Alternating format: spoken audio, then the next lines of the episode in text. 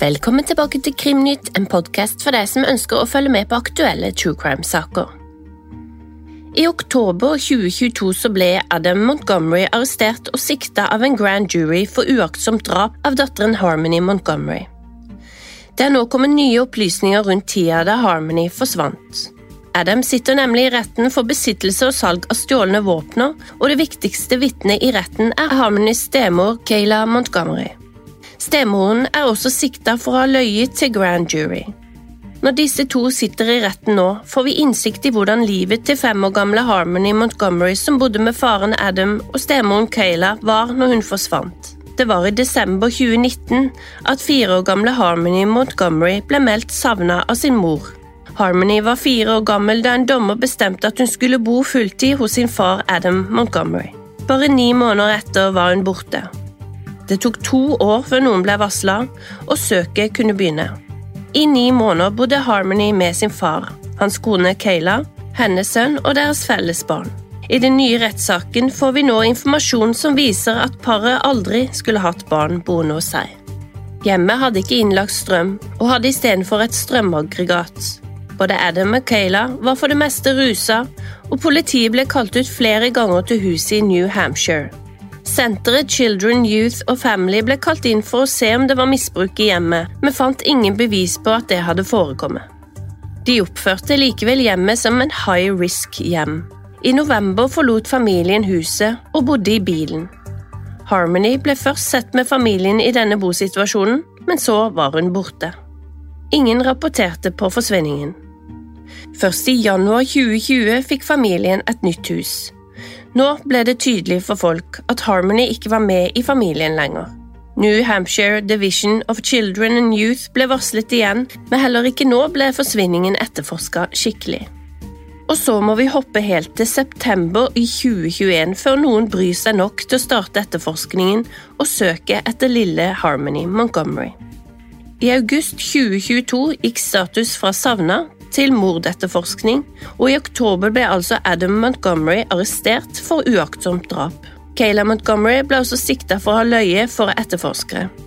Det er tydelig at Harmony ikke har hatt en lett oppvekst. Mora mista omsorgsretten i 2018 pga. rusmisbruk, og Harmony ble etterlatt til den kriminelle faren Adam.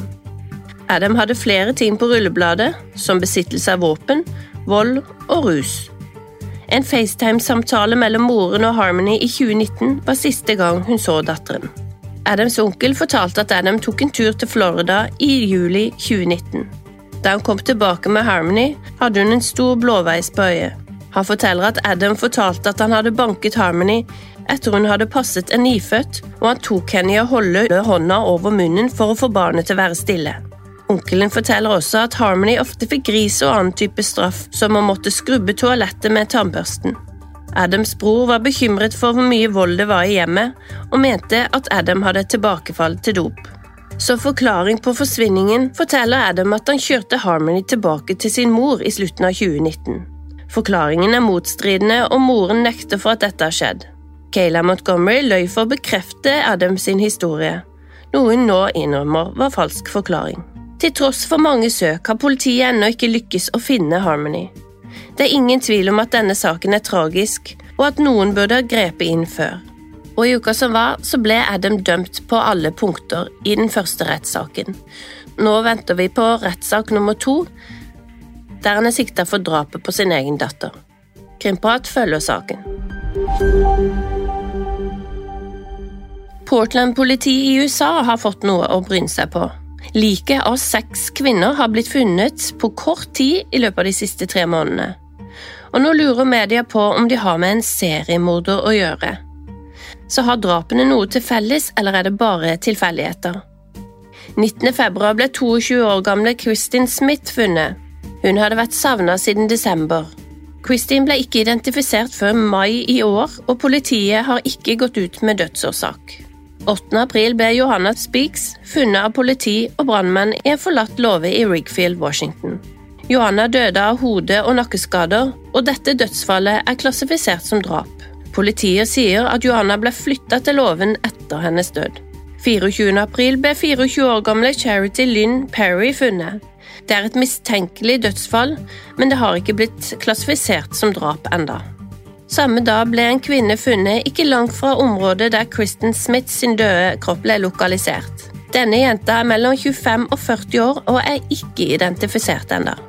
30. april ble 31 år gamle Bridget Lynn Ramsey Webster funnet. Hun har heller ikke fått en dødsårsak, men politiet mener at dødsfallet er mistenkelig.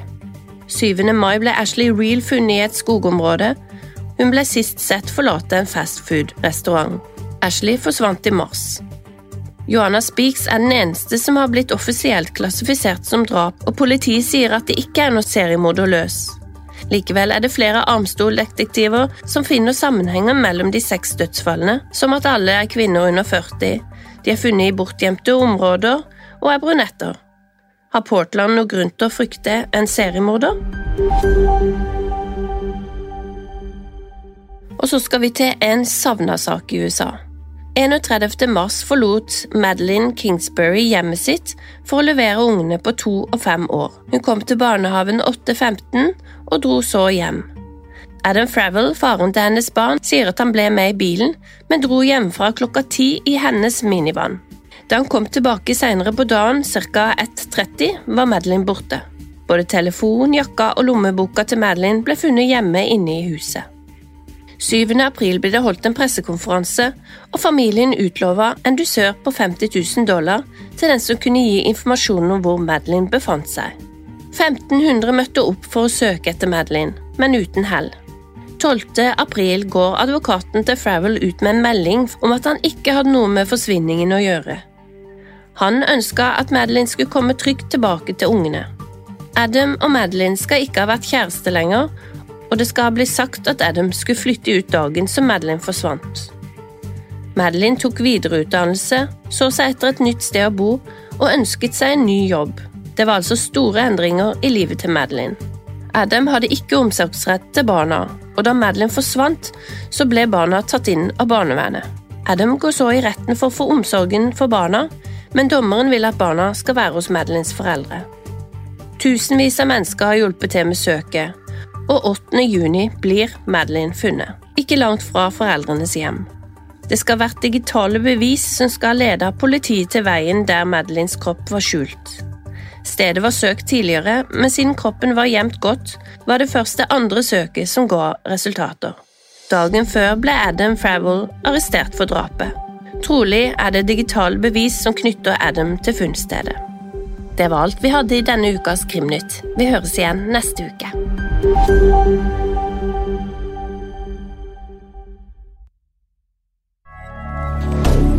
Moderne media. Har du et enkeltpersonforetak eller en liten bedrift? Da er du sikkert lei av å høre meg snakke om hvor enkelt det er å sende faktura med fiken. Så vi gir oss her, fordi vi liker enkelt. Fiken superenkelt regnskap. Prøv gratis på fiken.no.